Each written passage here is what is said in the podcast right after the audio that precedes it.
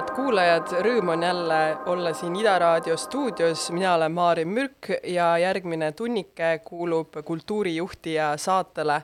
saade on siis roteeruvate saatejuhtidega, peale minu astuvad siin üles veel Evelin Raudsepp ja Laura Toots, aga lisaks saatejuhtidele roteeruvad loomulikult ka külalised, juhid väga mitmetest erinevatest kultuurivaldkondadest ja täna on mul hea meel öelda tere Anu Kiviloole, tere Anu! tere! kes äh, hetkel töötab äh, juba mõnda aega, mõnda aastat, sa saad üle täpsustada, kui pikalt täpselt, aga Arvo Pärdi keskuse juhina. sel aastal sai kümme aastat, täiesti imelik, ma ei ole üheski töökohas nii kaua töötanud. Aga äkki sissejuhatuseks sa kõigepealt äh, räägid natuke oma, oma õpingute teekonnast, oma taustast, mis sa tegid enne Arvo Pärdi keskust ja kuidas sinu see erialane teekond on kulgenud? jah, kui ma ütleks, et äh, siia kultuuri juhtimisse või kultuurivaldkonda ma mõnes mõttes võiks isegi öelda, et sattusin nagu juhuse tõttu või juhuslikult. et äh, ma kunagi tahtsin äh, saada inglise keele õpetajaks ja äh, selleks ka siis õppisin Tartu Ülikoolis inglise filoloogiat äh,. ma lõpetasin sel aastal tuhat üheksasada üheksakümmend üks ja see oli loomulikult selline aeg, kus olid hästi murranguline ju kõik, noh, ülimalt põnev ja kõik, alustasin kaheksakümmend kuus, eks ole, mis siis oli ja, ja üheksakümmend üks lõpetasin. Ma arvan, et ma sain selle, noh ja, ja see, kuidas ma sinna inglise keelte jõudsin, oli ka, mul oli väga äh, tore klassijuhataja ja inglise keele õpetaja. ja ta kindlasti inspireeris, ma, ma arvan, et mul ei olnud sellist äh, mul oli keskkoolis väga selline tunne, selline hirm, et ma ei leia seda ala ja mida ma peaksin tegema, ja siis tema kuidagi väga innustas seda. ja ma sain temaga tõesti väga hästi, hästi läbi, ma ise olen pärit sellisest väikesest külast nagu Jootme küla, mis on kuus kilomeetrit Tapa, Tapa linnast, nii et ma olen täpselt, võiks öelda, selline maakas. Ja, ja see kõik on mind mõjutanud väga palju ja võib-olla mingil hetkel ka olnud, ma olin ikkagi väga ebakindel ka. teistpidi ma olin nagu täiesti naiiv ja läksin siis, eks ole, nii-öelda võistlema nende inglise erikooli lastega sinna ülikooli õpilastega, aga kuidagi, kuidagi ma arvan, et see selline järjepidevus või see andis, andis mulle jõudu ja aga ma sain selle ülikooli ajal aru, et minust ei tule sellist äh, õiget filoloogi. ma ei ole äh,, mind kohutavalt huvitas kirjandus, ma olin lapsepõlves väga palju lugenud äh, ja kogu aeg sellega tegelenud äh,, see ka sellest võib-olla, et ma olin maal ja üleliia palju sõpru seal ju ümber ei olnud, et ega mis siis muud teha oli, kui lugeda. ja äh, kirjandus mind huvitas, aga keeleteadus kui selline võib-olla mitte nii väga ja, ja mingil hetkel ma sain ka aru, et äh, see, see õpetamine koolis ei ole võib-olla see täpselt, mida ma tahan teha. Ja siis äh, üheksakümmend üks ma lõpetasin, see oli see aeg, kus enam mingisuguseid suunamisi ei olnud, töötasin mitmel erineval, äh, erinevates kohtades, tegelesin vaikselt tõlkimisega ja turismiga ja siis üheksakümne neljandal aastal sattusin Avatud Eesti Fondi mis oli siis äh, Sorosse poolt loodud äh, fond ja seal loodi kultuuriprogramm. Ja mind see väga huvitas ja ma arvan, et sealt, seal ma olin siis kuus aastat, et see andis mulle tegelikult selle põhja ja laiapõhjalisuse üldse minu sellise arusaamise kultuurivaldkonna nagu toimimisest ja võib-olla ka sellisest, et kõige huvitavamad äh, ilmingud on sellises mitteriiklikus sfääris või kolmandas sektoris. Tegelikult ma pärast äh, siin, minu tee on viinud äh, ka riikliku ja omavalitsuse äh, sfääri, aga põhimõtteliselt äh, nüüd olen ma siis jälle tagasi sellises äh, mitteriiklikus ja see äh,, see on äh, väga põnev ja muidugi äh, üheksakümnendate teine pool, noh, mida iganes sellel ajal siis oli, eks ole. et kõik asjad olid võimalikud ja ma mäletan, et üks hetk, kus ma sain kokku kutsuda kõik sellised erinevate kultuurivaldkondade e, juhtivad tegelased sellel ajal e, siis ja ma sain siis niisuguse noore inimesena seal laua otsas küsida, et mida me peaksime tegema Eesti kultuuri heaks, et sest noh, sellel ajal noh, Kultuurkapitali alles nagu loodi ja, ja kõik need olud ei olnud ju kõige, kõige paremad, eks ole, riiklikus mõttes. aga see oli tohutult inspireeriv aeg. Ja kogu see avatud Eesti fondis töötamise aeg oli juba ka selles mõttes inspireeriv, et seal, seal olid kõik valdkonnad esindatud ju, haridusest kuni internetipunktideni, sotsiaalprobleemidest keeleõppeni, loomulikult metsikult palju inimesi saadeti Oxfordi, Cambridge'i, Kesk-Euroopa ülikooli õppima, kui me tegelikult hakkame tänasel päeval vaatama meie võib-olla otsustajaid või, või ka neid, kes kuskil juhtivatel kohtadel on ja vaatame, et kus kohas nad on nagu õppinud, siis väga paljus on olnud äh, Avatud Eesti Fond nagu toeks. ja, ja see oli väga inspireeriv ja loomulikult olin, olin ma sellel ajal selline noor ja energiline, eks ole, ja ja kellaaegu ei vaadatud ja, ja ei olnud sellist asja, et ei saa teha, kõike sai teha kogu aeg, kohutavalt, kohutavalt dünaamiline oli see. aga siis see sai mingil hetkel otsa, äh, sest äh, Soros leidis, et et Eesti on avatud küll ja, ja siis oli äh, aga no ma olin kokku puutunud siis nagu sellise kultuuri juhtimise õpetamisega ja,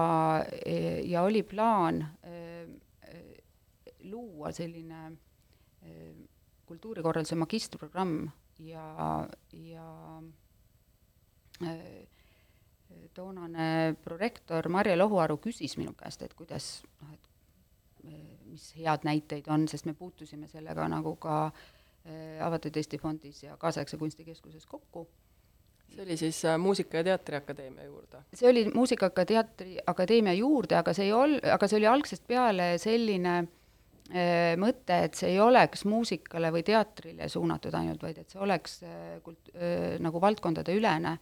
sest võib-olla ei ole ka mõtet. et ja tegelikult on väga tore äh, kui tekivad ka kooli ajal sellised suhted erinevate valdkondade vahel. sest see, mis võib-olla noh, siiamaani ma arvan, et need silotornid ikkagi valdkondade vahel on ja see on olnud võib-olla üks, üks asi, mida ma nagu olen eluaeg püüdnud nagu kuidagi lahutada oma või, või lammutada, aga eks ta ikka mingis määras, need silotornid püsivad tänaselgi päeval. nii et jah, see oli Teatrimuusika Akadeemias ja, ja selle aja peale noh, kuidas me seda siis, tegelikult ma soovitasin Marje Lohuarule, et et püüame teha, püüame kutsuda võimalikult palju välismaa õppejõude, keda meil ei olnud, ja kasutada siis siin, siinseid häid spetsialiste erinevatest ülikoolidest. Ja see oli selles mõttes sellel tol ajal kindlasti väga hea, et ta just oli Teatri- ja Muusikamuuseumi, Teatri- ja Muusikaakadeemias, kuna seal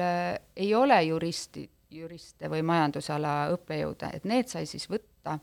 erinevatest ülikoolidest äh, kõik äh, nagu, nagu sisse. ja, ja siis olid äh, Sibeliuse Akadeemiaga tegime koostööd, see oli ka loogiline partner ja, ja professor tuligi siis Soomest esimesed kaks aastat ja muidugi siis kõigele siis lisaks oli see, et ma mõtlesin, et ma teen siis ise ka selle magistri ära. nii et ma olin nagu koordinaator ja, ja õppija ühes isikus, mis oli ka tegelikult võib-olla keeruline,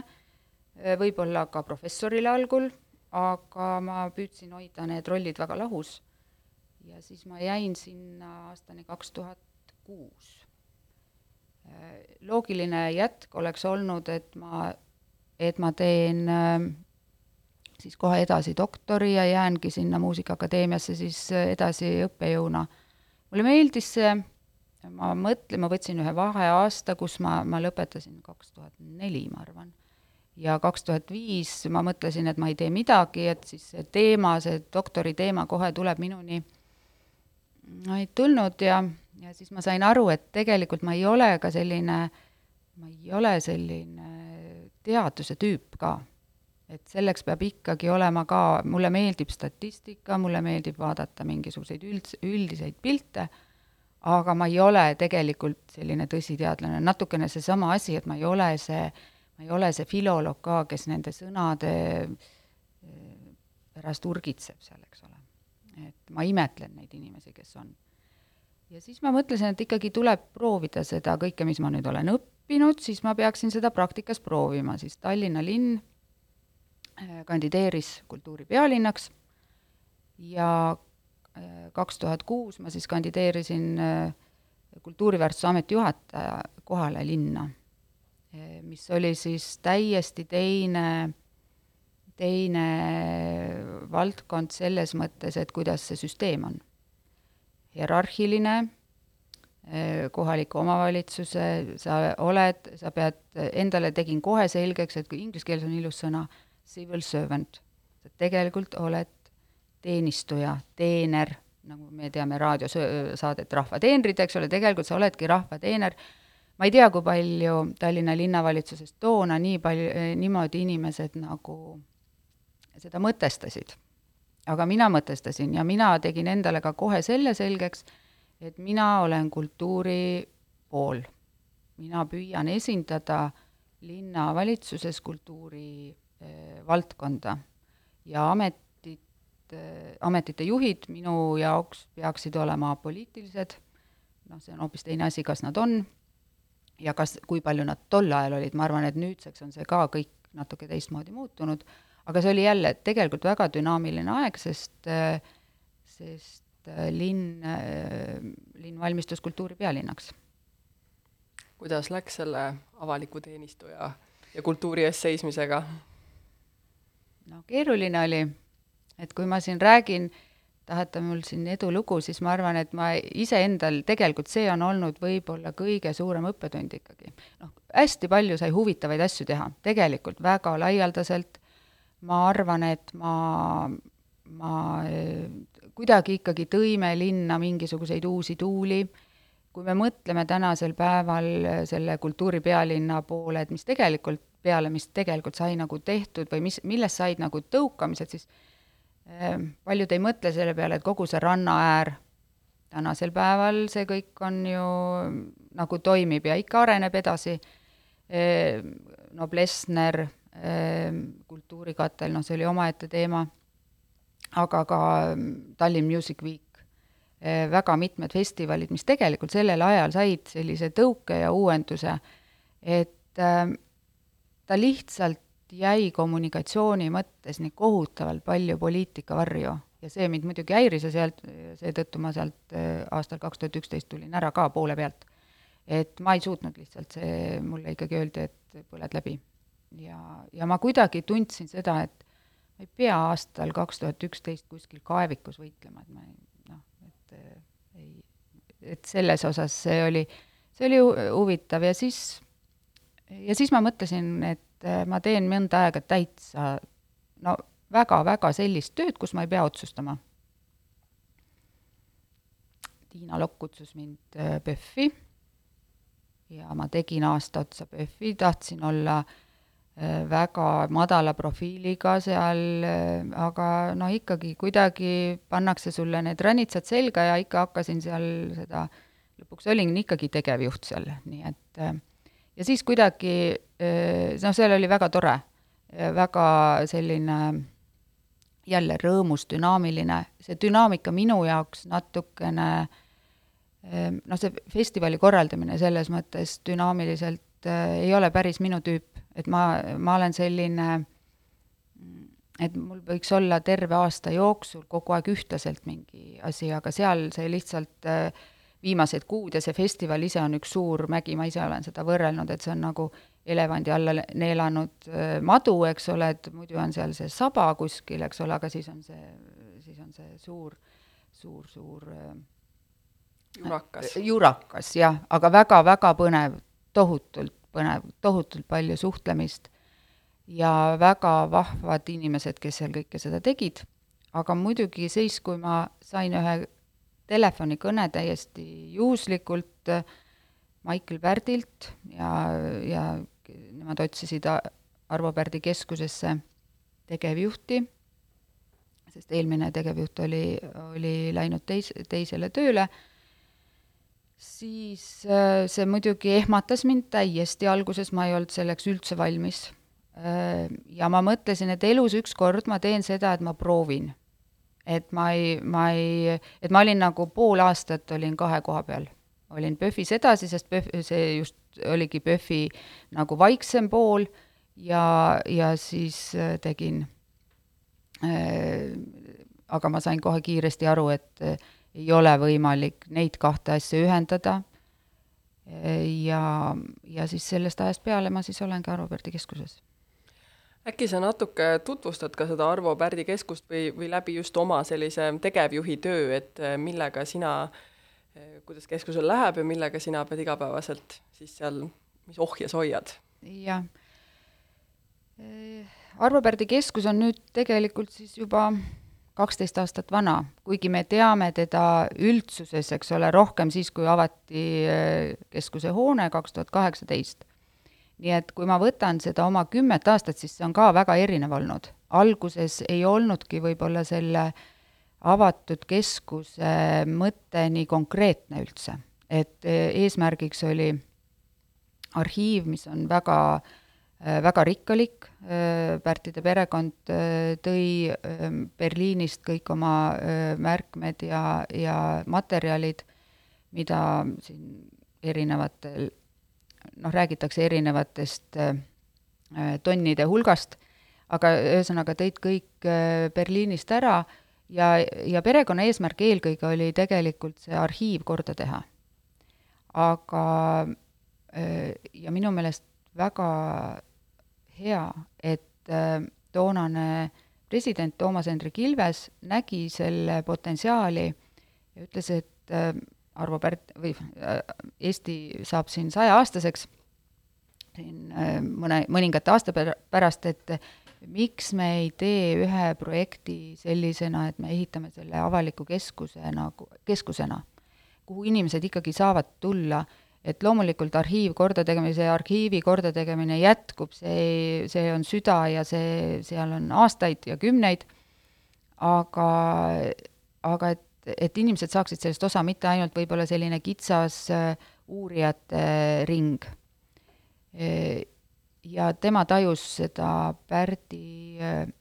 mõjukust muusika mõttes terves maailmas, et meie jaoks väga tihti, kui me mõtleme Arvo Pärdi muusika peale ja Arvo Pärdi peale, et ta on selline omane ja võib-olla liiga lähedal isegi. aga tegelikult äh, maailmas äh, vahel teatakse Pärdi nime paremini kui Eesti nime. ja noh, seda tuli lihtsalt ära kasutada ja, ja kuna perekonnal oli ka see valmidus olemas, siis, äh, siis oligi esimesed aastad toimuski sellise, selle keskuse nagu sisulise ja ka vormilise, ehk siis füüsilise vormi nagu öö, elluviimine. ja, ja see oli, see oli tohutult huvitav, tohutult äh, põnev, et sa tegelikult nagu mõnes mõttes nullist, noh kuigi ta ei ole null, sest see Pärdi muusika on olemas, need materjalid on olemas, aga tegelikult ei olnud seda päris täpset nägemust, et mis siis mis siis sellest keskusest saab või mis, mis see on siis. ja, ja seda tuli siis sisul- ja noh, suurepäraselt oli see, et eh, selles,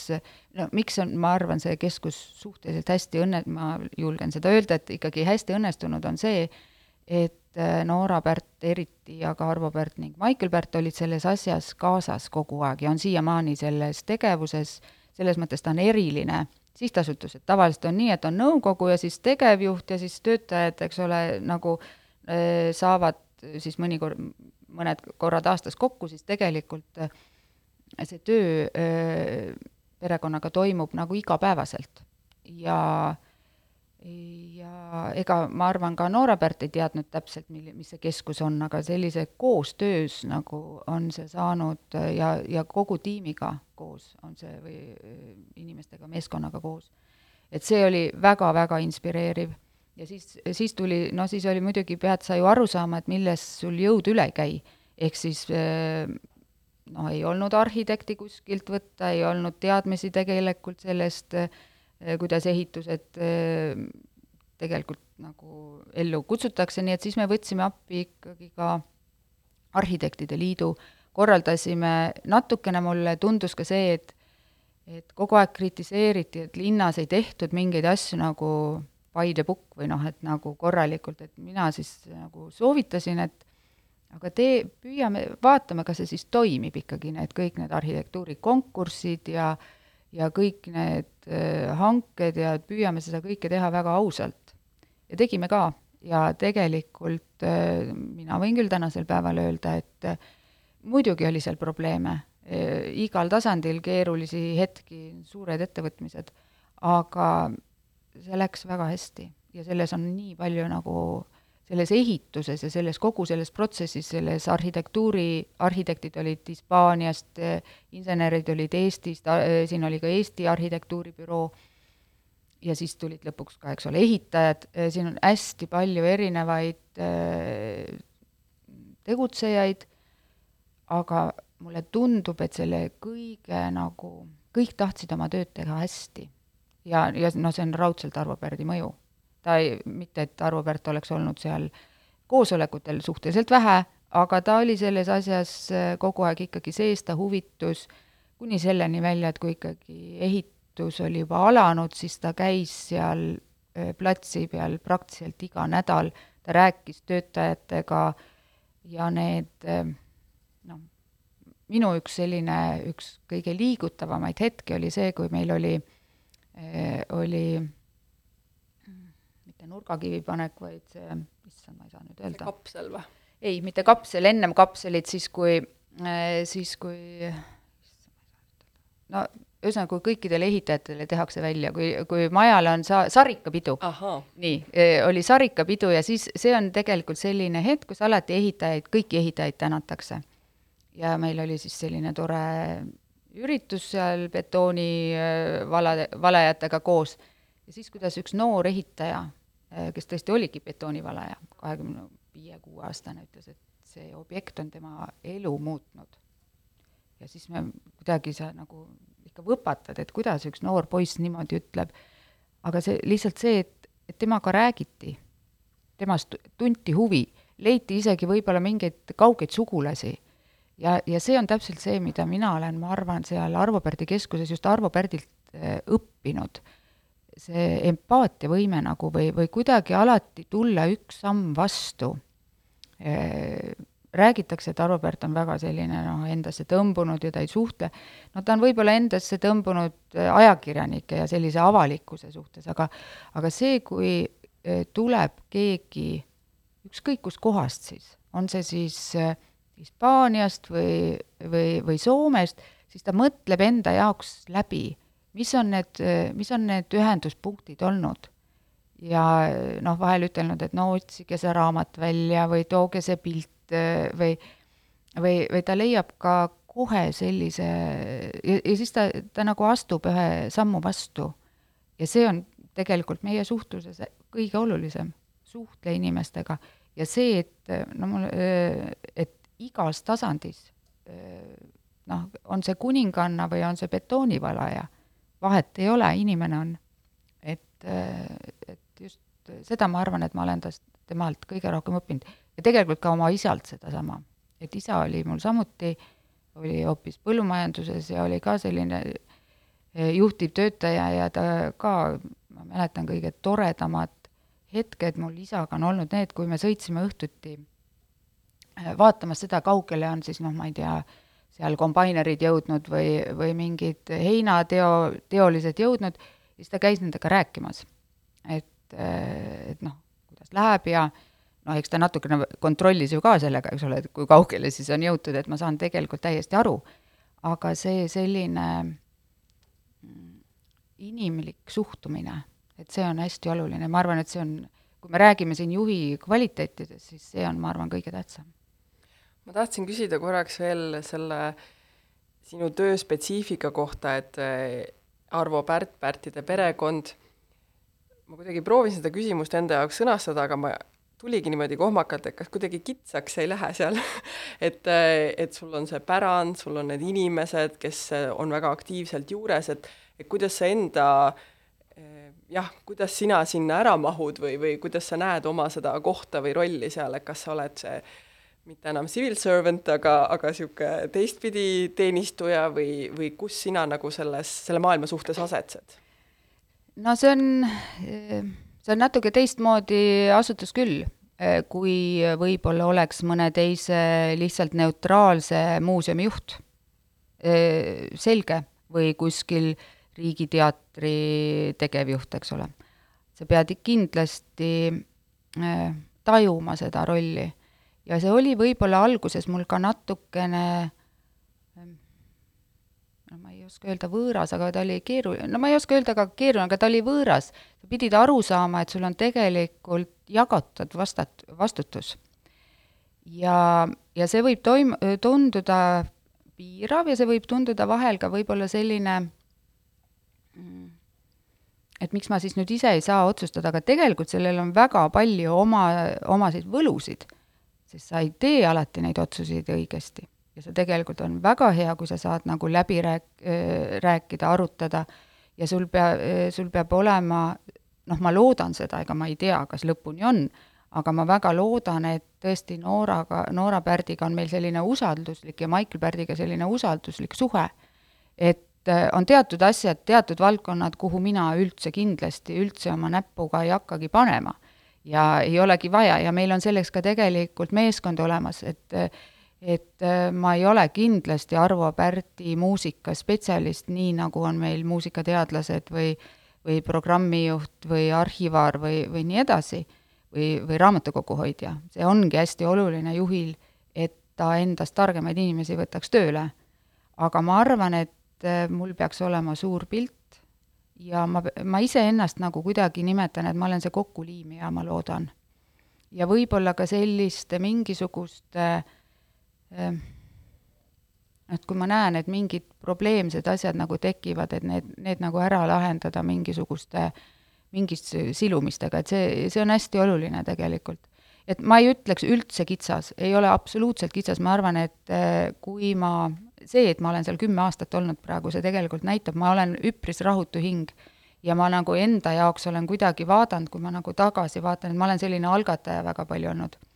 Et mõnes mõttes võiks küsida, et nüüd on seda algatatud küll, aga ta ei ole, Pärdi keskus tänaseks päevaks ei ole kindlasti sellise mingisuguse stabiilsuseni jõudnud veel, me ikka väga palju katsetame, väga palju on olnud uut, nii et äh, ei ole kitsas ma mõtlen, et äkki kas äh, kuulame siia peale nüüd äh, natuke ka Arvo Pärti, äh, ehk sa kommenteerid korraks, mis loo sa valisid? nojah, ma, kui ma siia tulin, siis ma eeldasin seda, et küllap te eeldate, et, et siin üks Arvo Pärdi teos tuleb ja, ja tal on ju väga palju selliseid tuntud teoseid, aga mina mõtlesin, et et äkki siia Ida raadiosse sobiks selline Hymn to the Great City. Et see on siis üks kahele klaverile loodud teos ja ta on pühendatud New Yorgile, mulle endale ka väga New York meeldib, ja seda mängivad äh, õed äh, Labekid prantslased, keda me väga loodaks siia Eestisse ka, nad on Eestis ka käinud, aga me loodaks ka oma keskusesse seda kunagi äh, neid kutsuda. aga kuulame siis. kuulame hümni Suurele linnale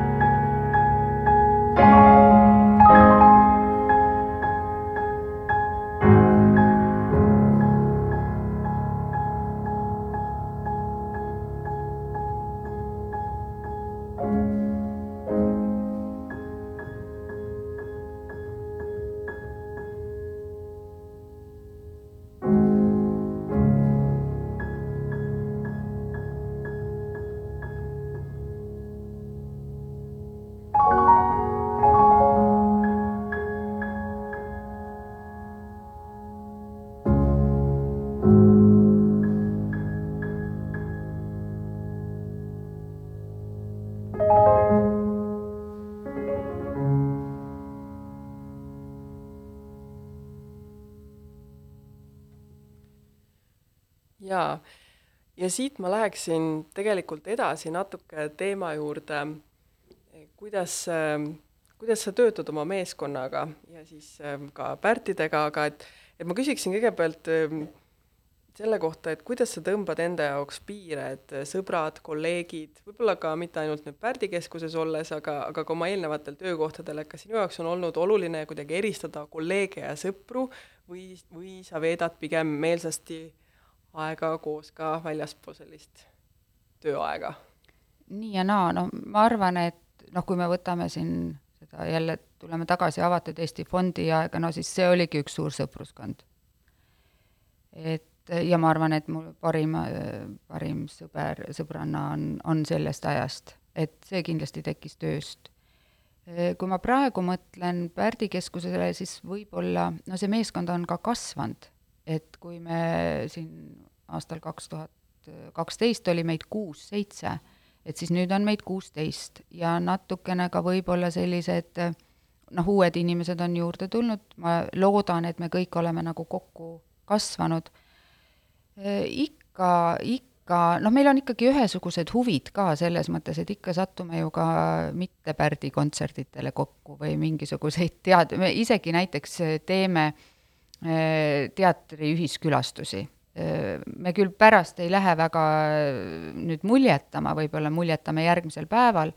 aga ta on ikkagi, noh, Arvo ja Noora Pärt ise kuidagi armastavad meid nimetada perekonnaks et sellega ei tohi ka liiga kaugele minna. aga, aga tegelikult ma, ma küll tahaks, et me nagu käituksime nagu perekond. et see on selles mõttes ikkagi, me tegeleme niivõrd intiimse materjaliga tegelikult. ja et, ja noh, selle, tänu sellele me nagu, ma arvan, et me oleme suhteliselt kokku kasvanud, aga see ei tähenda seda, et tegelikult mingeid rangusi ka ei ole, et ikkagi ähm, ma pean ütlema, et mind kõige rohkem kurvastab tegelikult see, kui ma oma arust olen õudselt selline liberaalne ja, ja noh, alati nagu mõtlen, et ma ei taha inimesi nagu kuidagi kammitseda, et ma, ma, et noh, et kõige parem juht oleks see, et lase inimestel teha lihtsalt, eks ole, et, et siis nad nagu motiveeruvad ja teevad, nende motivatsioon tuleb alati sisemiselt, sa kedagi teist motiveerida, sa motiveerid anna, alati ennast ise. Ja, ja kuidagi, kui sa siis näed, et et siis nagu ei tehta või muututakse natukene nagu, nagu ma ei oska öelda, kas lohakaks, aga selliseks nagu, et noh, aega on. et noh, natukene meil on selline ka, et me hästi palju võib-olla muudame mingisuguseid asju, noh, lõputult viimase, viimase kriipsuni teeme seda kvaliteeti aga see natukene võib tekitada seda, et no aga meil ei olegi tähtaegu, noh. keegi, see on ju ka, et ega siis otseselt meilt ei oodata ju midagi. me peame ise need ülesanded endale sõnastama. Ja, ja siis, kui vahel natukene nagu tundub, et hm, et kas see ikkagi nüüd noh, et kas me pingutame piisavalt, et, et see teeb mind lihtsalt tegelikult tavaliselt nagu kurvaks rohkem kui see, no võib-olla ärritun ka, et see, võib-olla see sütik on vahel ka liiga lühike. Et selle, seda ma olen ikkagi püüdnud nagu õppida. et eh, noh, samas emotsioone maha ei võta ju ka ja, ja ei tohi ka, et ikkagi me kõik oleme emotsionaalsed inimesed, aga ma arvan, et kõige olulisem on see, et me nagu kuidagi arvestaksime teineteisega. ja meil keskuses on ka ikkagi see, et kuna meil noh, ütlesin küll, et on suuremaks kasvanud, aga ikkagi tegelikult on suhteliselt väike seltskond, iga, iga liigutuse pealt, nagu igas kontserdimajas on siin, et kes tassib toole ja kes, kes paneb mingisugust kaamerat, siis meil on väga paljus see, et me peame neid kõiki kuidagi ise tegema, et see on nagu selline jagatud vastutus, sest meil ei ole nagu re-, seda ressurssi, et seda, seda teha ja, ja ma arvan, et minu enda moto on olnud see, et et ma pean oskama ühesõnaga kõige lihtsamaid töid ise teha ka. et siis, kui avat-, kui keskus avati, et siis ma ikkagi olin kassas. täiesti teadlikult, sest et ma näeks, kuidas see asi toimub ja ma arvan, et see on üldiselt sellise projekti juhtimuse või ükskõik, mis tasandi juht sa oled, et sa ikkagi peaksid teadma, et kuidas mingid asjad, süsteemid käivad ja et äh, juht ei ole mingi ma ei tea, kuskil seal kõrgustes, et äh, ma ei ole selline tüüp üldse. kas sa oled kasutanud ka mingeid selliseid nii-öelda tööriistu nagu arenguvestlused, kas teil on iga nädal esmaspäeval kell kümme koosolek, kas teil on ühised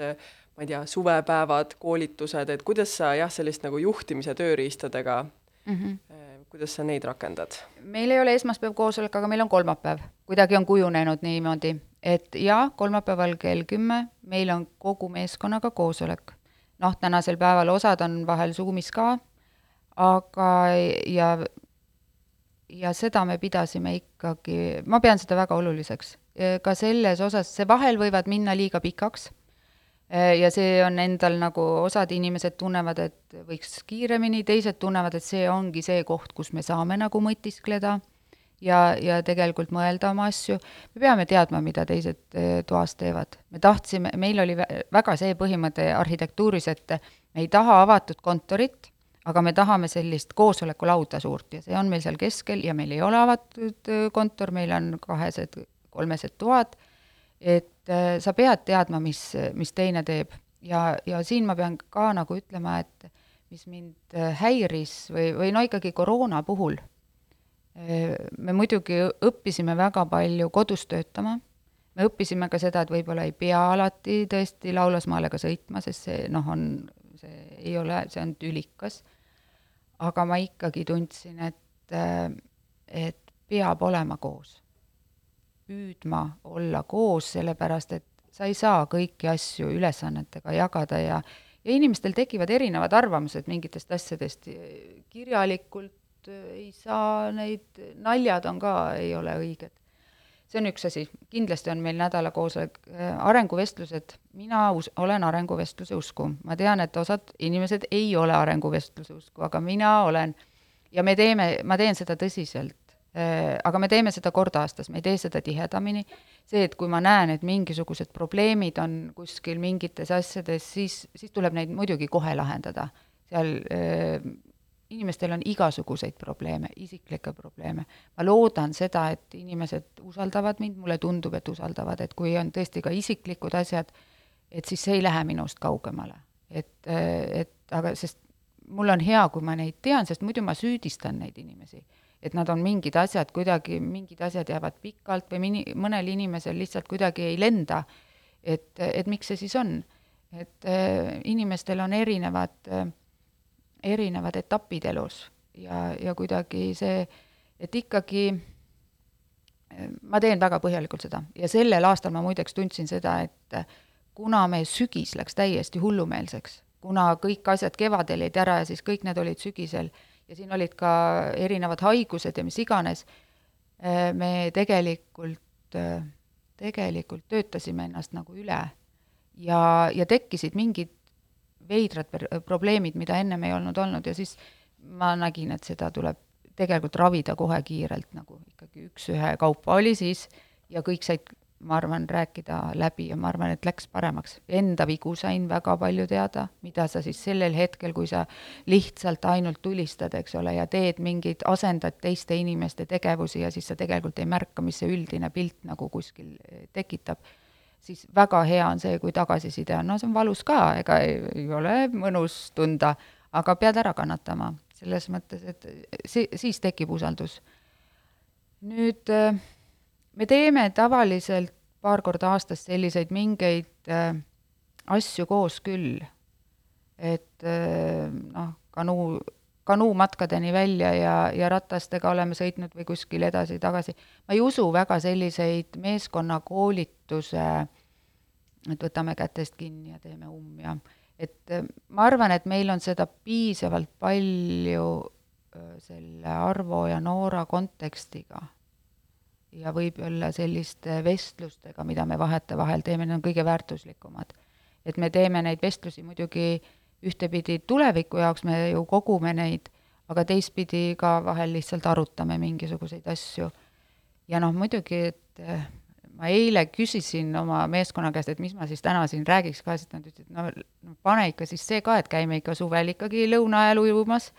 ja jalutamas ja metsas eh, ikkagi, ma olen teinud arenguvestlusi jalutades metsas. et eh, tegelikult toimib ka väga hästi. Et eh, noh, see lihtsalt tuleb ära kasutada, see Laulasmaa koht, kus me oleme, et ma saan aru, et, et me oleme selles osas ikka väga priviligeeritud, et see töökeskkond on tõesti lihtsalt super. et ähm, ei ole, no ma ütleks, et mul ei ole olnud halvad töökeskkonnad ka ennem, aga noh, see ikkagi on era, erandlik muidugi äh, sinna tuleb see juurde, et ma sõidan hommikul kolmkümmend viis kilomeetrit. aga siis ma olen kohal ja ma ei lähe ja, ja tegelikult see nagu annab, annab, nii et jah, selliseid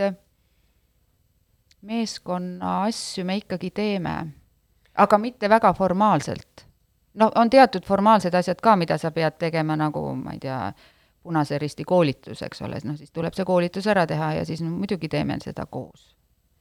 Aga mis on need asjad, mida sa tunned, et äh, on sinu kui juhi jaoks olnud just äh, keerulised või mida sa ise oled pidanud äh, õppima või end kuidagi muutma? Pärdi keskuses või, või üldse? ma arvan, et ka pikema kaare puhul võib-olla.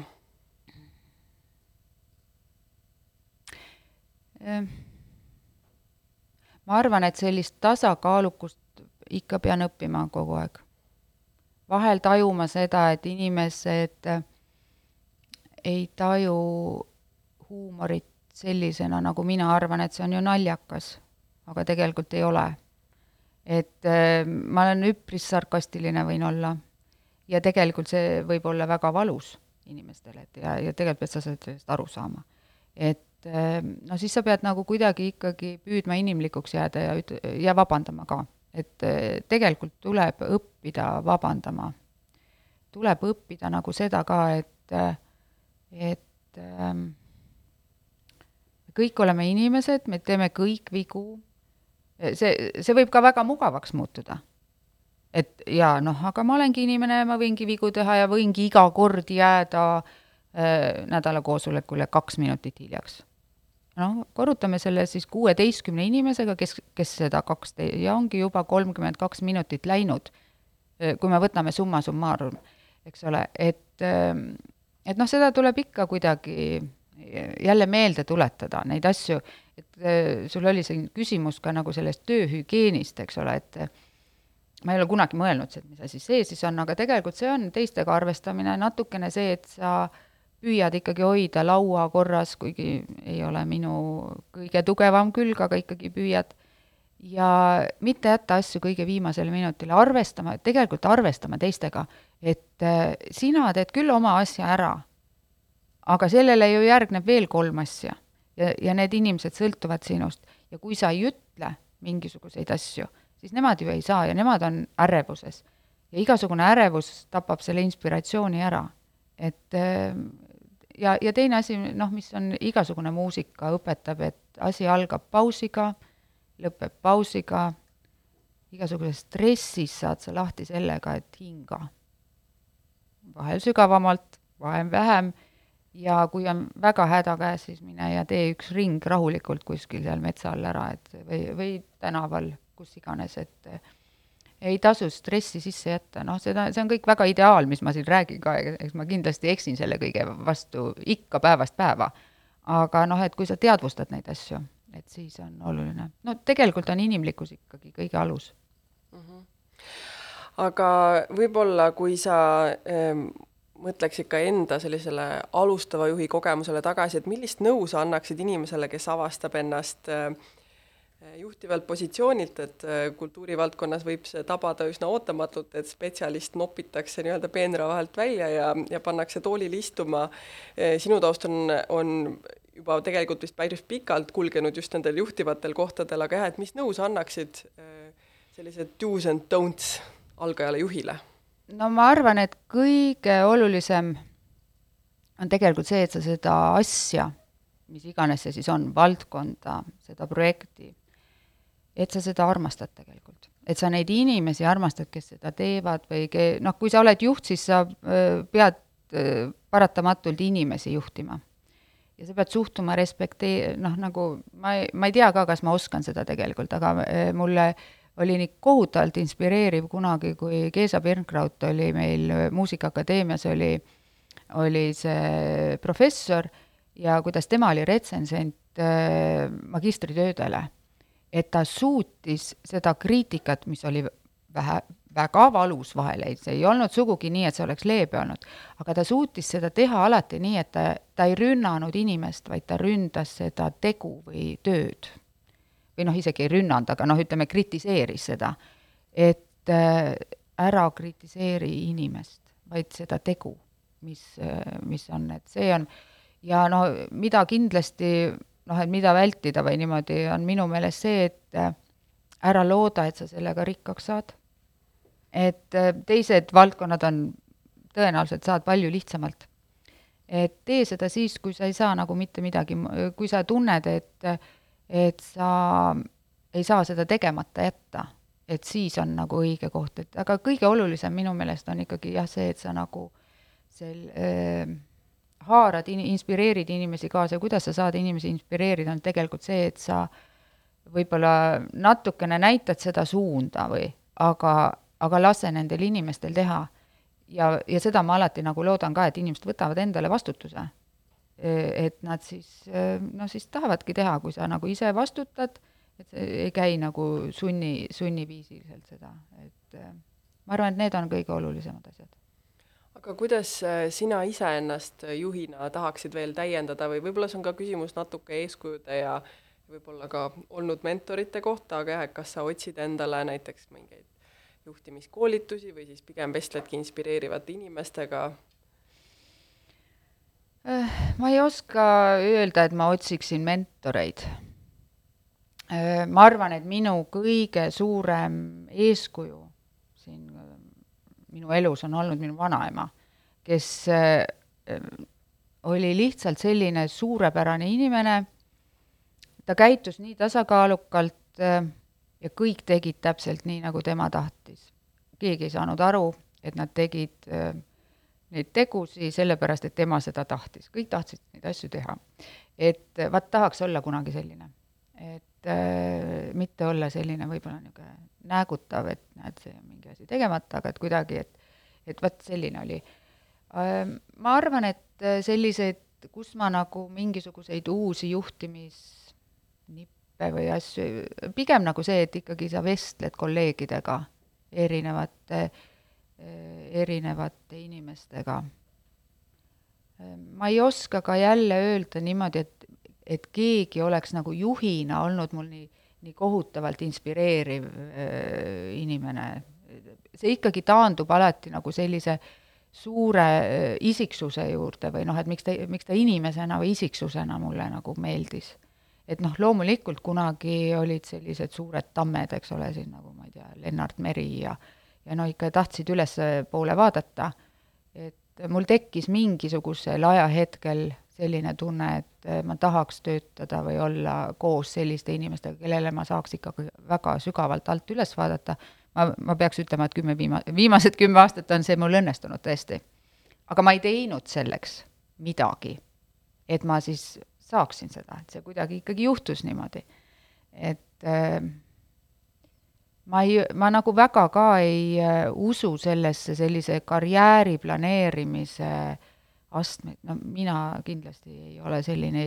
ei ole, ei esinda seda inimest. et äh, kuidagi need asjad on juhtunud, aga ma arvan, et ma ei oleks praegu Arvo Pärdi keskuses, kui ma neid eelmisi etappe ei oleks äh, läbinud. Ja võib-olla mingeid valusid ka seal kuskil, kuskil etapis aga eh, kas sina töötegijana oled enda, eh, end nagu lahti muukinud või et mis on sinu, ma ei tea, produktiivsuse kõrghetk, millised on sinu kindlad tööriistad, kas sa oled pabermärkmiku inimene, kas sa oled hommiku inimene, et kuidas sa, jah, et sina töötegijana, mis sinu jaoks kõige paremini kuidagi eh, funkab? Ma arvan, et ma olen, no raudselt olen paber ja märkmete märk, inimene, ma näen. märkmete inimene, ma kirjutan asju äh, käsitsi, mingisuguseid asju äh,. ma tõmban maha, tee, teen iga päev igasuguseid nimekirju äh,, tõmban siis neid maha, panen sinna vahel täitsa triviaalseid asju, mine kontrolli pangakonto üle, jube hea on see tunne, et kohe saan maha tõmmata. Et aga sest, sest väga paljud juhtimisel ikkagi või sellises valdkonnas on väga tihti see, et need ülesanded korduvad päevast päeva ja nad ei lähe ära. et ma arvan, et ma olen suhteliselt distsiplineeritud selles suhtes, ma ei jäta asju viimaseks minutiks et on väga harva see, kui mingi taotluse tegemine jääb mul viimaseks minutiks ja kui ma kuulsin, nüüd ma olen Kultuurkapitali helikunsti sihtkapitalis ka ja kui ma kuulsin, et viimane kord, kui see mingi error tekkis seal ja, ja anti üks lisapäev, siis tuli kohe rohkem taotlusi. ma mõtlen, issand jumal, kuidas ma tulen üldse selle peale, et ma nagu hakkan seda viimasel päeval tegema, tee kolme kuu pärast seda siis. mis sul ju, mis sinuga juhtub siis, kui sul jääb nagu tegemata see, et pigem ma, mulle ei, mulle ei meeldi jätta asju viimasele minutile. nüüd hommikust ja õhtust ma arvan, et pigem ma ei tea, ma võin olla mõlemad. natukene peab olema tähtaeg ikkagi kuskil ka, see ikkagi ka paneb, käivitab, et ega ma nüüd selline idealist ka või selline tubli, tubli tüdruk ka ei ole, et et kui mul on kaks nädalat aega mingi asja juures, et ma siis kohe teen selle kaks nädalat ette ära, ma ikkagi kannan neid asju kaasas aga ma ei jäta, ma kuidagi olen jõudnud selleni, et ma ei jäta viimasele minutile, jah. et äh, kuidas sa puhkad? Kuidas ma puhkan, ma arvan, et noh, see on hästi oluline tegelikult, et tänasel päeval see, kui see no näiteks, kuidas ma puhkan, mul ei ole Skype'i äh, telefonis teadlikult, sest meil on ka keskuse selline üldine Skype, inimesed teavad, et laupäev-pühapäev, äh, kui on väga mind vaja kätte saada ja ma olen kättesaadav, aga siis ma ei loe seda üldist Skype'i. et seda ma püüan küll teha. Ma, ma käin päris palju väljas, et mulle meeldib tegelikult käia looduses ja teha mingeid matku. mulle meeldib ka tegelikult minna lihtsalt Eestist ära, kuigi see, see on viimasel ajal olnud ju üpris keeruline. et ma ikkagi püüan äh, püüan lugeda ja inimestega koos olla. perekond on väga ikkagi oluline, mingi ka ütleme, selline laiem ring, mul on, ma olen väga õnnelik, et mul on selline, nimetan seda niisuguseks suguharuks, et, et ei ole ainult nagu oma väike pere, aga et siis tegelikult sugulased sinna juurde. ma väga loodan seda, et minu äh, noh, kui kunagi nagu ma siin ise räägin oma vanaemast hästi, et ma loodan, et minu noored sugulased ka kunagi tunneksid, et noh, et ma võiks olla selline, et kes jääb meelde kui selline vanaema õunapuu otsas, et viitsib ronida ja teha mingit nalja. ja siis muidugi need lõunaaegsed suplused ja kõik need Laulasmaa mustikametsad. no ja ei, no tegelikult see on niimoodi, et eh, meil on isegi osad inimesed on väga tublid, et teevad hommikul, meil on trepis saab ka sinna torni, et saab, et teevad selle hommikuse käigu ära, et ma ei ole nii tubli, aga, aga ütleme, et sellised hulkumised metsas küll, jah. Ja tegelikult äh, ei võta kaua aega ja, ja see tege-, see puhastab küll. aga noh, teistpidi äh, see